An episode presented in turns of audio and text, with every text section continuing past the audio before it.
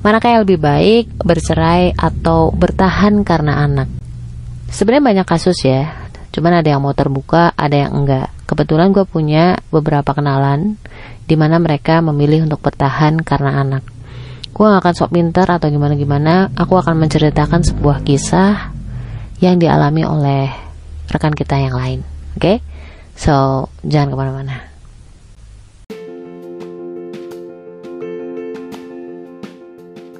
Assalamualaikum warahmatullahi wabarakatuh. Kenalin aku Ria Marliana Teman healing kamu di podcast Self Healing Yang akan ngobrol tentang banyak hal Berdamai dengan luka Melalui psikologi Islam, Quran dan juga hadis. Dan kadang aku spill juga tentang karakter manusia Berdasarkan golongan darah. Semoga bisa membantu kamu Lebih relief.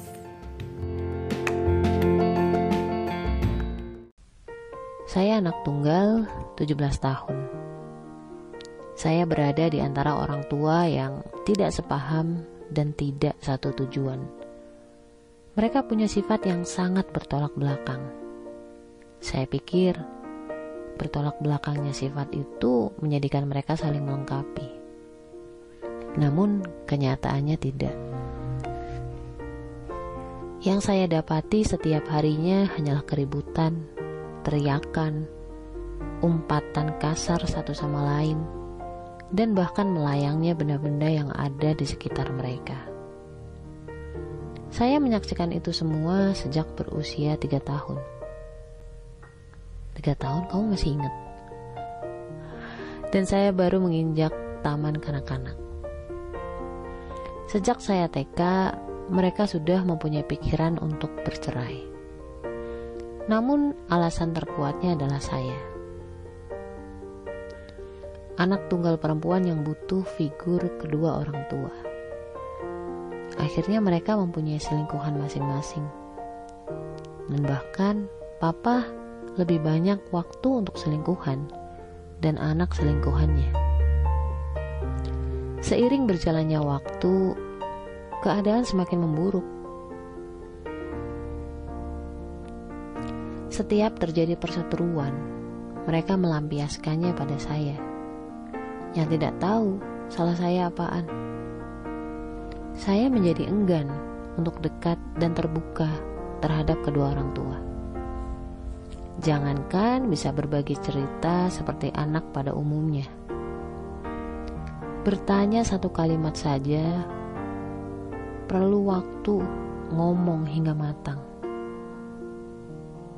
Saat saya SMP, papa memutuskan untuk bekerja di luar kota tidak selesai sampai sini. Perseteruan mereka malah menjadi-jadi. Mama yang punya sifat emosian dan ringan tangan selalu menjadikan saya sasaran yang pas untuk meluapkan emosinya. Caci maki sudah menjadi makanan sehari-hari. Tatapannya seolah-olah penuh dengan kebencian tidak jarang saya diumpat menggunakan kata kasar, atau bahkan sampai ia mengeluarkan sumpah serapah yang tidak pernah bisa saya lupakan. Terkadang saya memang melakukan kesalahan, namun ya hanya kesalahan kecil atau tidak disengaja. Hanya saja karena ia merasa capek dengan pertengkaran, sekecil apa pun kesalahan pasti terlihat besar dan selalu dibesar-besarkan. Semakin lama, Mama semakin memperlakukan saya seperti binatang. Setiap kali ia selesai berseteru dengan Papa via telepon, ia memukul lengan saya jika saya dianggap salah. Mendorong kepala saya ke tembok, melempar barang yang ada di dekatnya, hingga badan saya lebam, atau kadang luka-luka kecil.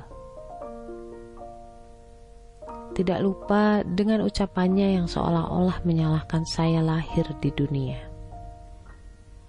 Saya sempat berpikir, jika saya adalah anak di luar pernikahan. Tapi Saya hitung jangka waktu pernikahan mereka dengan waktu kelahiran saya. Dan saya adalah anak di dalam pernikahan. Jujur, saya merasa capek. Saya ingin menyerah.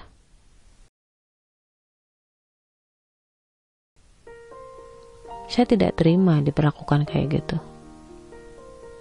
Tapi saya nggak bisa melakukan apa-apa.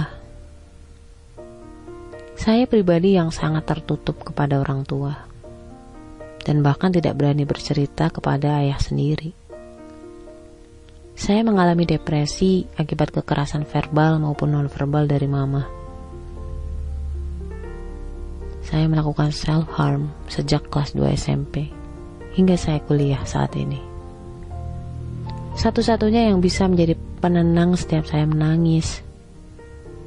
Ya karena yang di pikiran saya hanyalah lebih baik saya yang menyakiti diri sendiri ketimbang orang lain yang harus melukai saya. Saya menjadi selektif dalam memilih pasangan walaupun usia saya masih sangat muda. Yang pada umumnya gadis seusia saya sedang merasakan cinta monyet atau cinta yang tidak serius. Saya jadi terlalu takut untuk memulai suatu hubungan. Ya, melihat kegagalan dari kedua orang tua saya. Pernikahan mereka tidak menjamin mereka setia satu sama lain. Hal tersebut membuat saya tidak semudah itu percaya dengan suatu komitmen. Jadi, tolong jangan pernah menjadikan anak suatu alasan untuk kalian tetap bersama. Jangan menunda-nunda perpisahan jika kalian memang sudah seharusnya berpisah. Kalian tidak pernah mengetahui apa yang akan anak rasakan. Karena tidak semua anak berani angkat bicara. Keluarga yang toksik itu berbahaya. Ketika rumah tidak terasa seperti rumah. Mau ke mana lagi anak-anak akan pulang?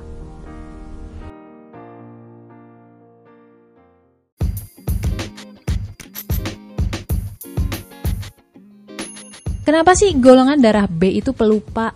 Susah banget ingat nama. Cuek, nggak pekaan, nggak perhatian. Bedah itu semua dari buku cerita tentang karakter golongan darah B dengan judul Beauty in a Beast. Order sekarang, link di bio ya. Si ibu ini kan sebenarnya marah kepada bapaknya, cuman dia nggak punya kuasa apa pun ke bapaknya. Makanya yang akan jadi pelampiasan ya orang yang ada di bawah kuasanya, yaitu adalah anaknya. Ada orang bilang bahwa ketika kamu seorang suami ingin me menyayangi anaknya, sayangilah ibunya. Karena dengan seperti itu, ibunya akan menyayangi anak loh. Paham gak?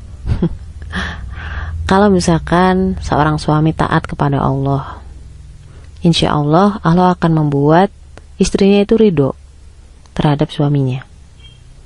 Kalau misalkan seorang ibu taat kepada Allah, dia juga akan membuat anaknya ridho terhadap keberadaannya. Itu udah kayak sistem sih.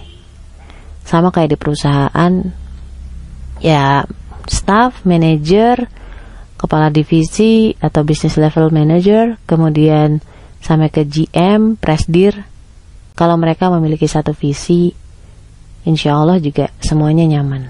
Akan terasa seperti rumah ya seperti yang lu tahu, kadang memang ada orang yang bilang bahwa aku mau bertahan demi anak, tapi kadang mereka juga tanpa sadar menciptakan beban kesalahan itu di anak. Walaupun kata-katanya seolah-olah memotivasi. Harusnya kamu ambillah keputusan itu sendiri. Ambil tanggung jawab itu sendiri. Boleh bilang bahwa aku akan belajar bertahan demi anak. Tapi kan ada kata-kata aku mau belajar dan kalau memang hati lo udah nggak bisa, ini kayaknya udah harus bisa. Allah memperbolehkan kok. Kan ada klausul-klausulnya. Ada di surat nikah. Jadi gue memang setuju ketika lo bertahan, yaitu karena lo mau bertahan. Walaupun mungkin ada banyak faktor di situ. Karena secara alam bawah sadar kamu, sebenarnya kamu nggak mau, tapi bertahan demi anak. Ya, endingnya adalah anak lo yang bakal jadi tempat pelampiasan seolah-olah kayak ini gara-gara lo nih gue terjebak di sini gitu. Tapi akan beda cerita kalau memang lo ya mau bertahan. Ya demi anak kek atau apa kek tapi memang lo mau gitu. Jadi persoalannya bukan masalah lo bertahan demi anak atau gimana lo mau nggak gitu. Kalau memang ini dirasa penting dirasa dirasa bakal bermanfaat buat temen lo yang lain yang mungkin belum dengar tolong di share jiwa yang tenang itu perasaannya juga tenang dia nggak akan mudah emosi jiwa yang tenang itu adalah jiwa yang mengingat Allah Quran surat Ar-Rad ayat 28 so nggak ada tempat lain yang kalau lu masih bingung harus memutuskan seperti apa lu nggak tahu apa yang lu mau jangan memutuskan apa pun dulu selama jiwa kamu belum tenang datang ke Allah dan minta kekuatan serta ketenangan dan juga petunjuk. Tunggu nanti akan ditunjukin satu persatu dan kamu akan dimantapkan. Gak ada yang bilang ini akan mudah, tapi seenggaknya kalau di situ ada Allah, insya Allah terasa lebih ringan. So, la haula wa la quwata illa billah. Hasbiyallahu wa ni'mal wakil, ni'mal maula wa ni'mal nasir. Kita ada di situ. Kita doain kamu. Stay love and assalamualaikum warahmatullahi wabarakatuh.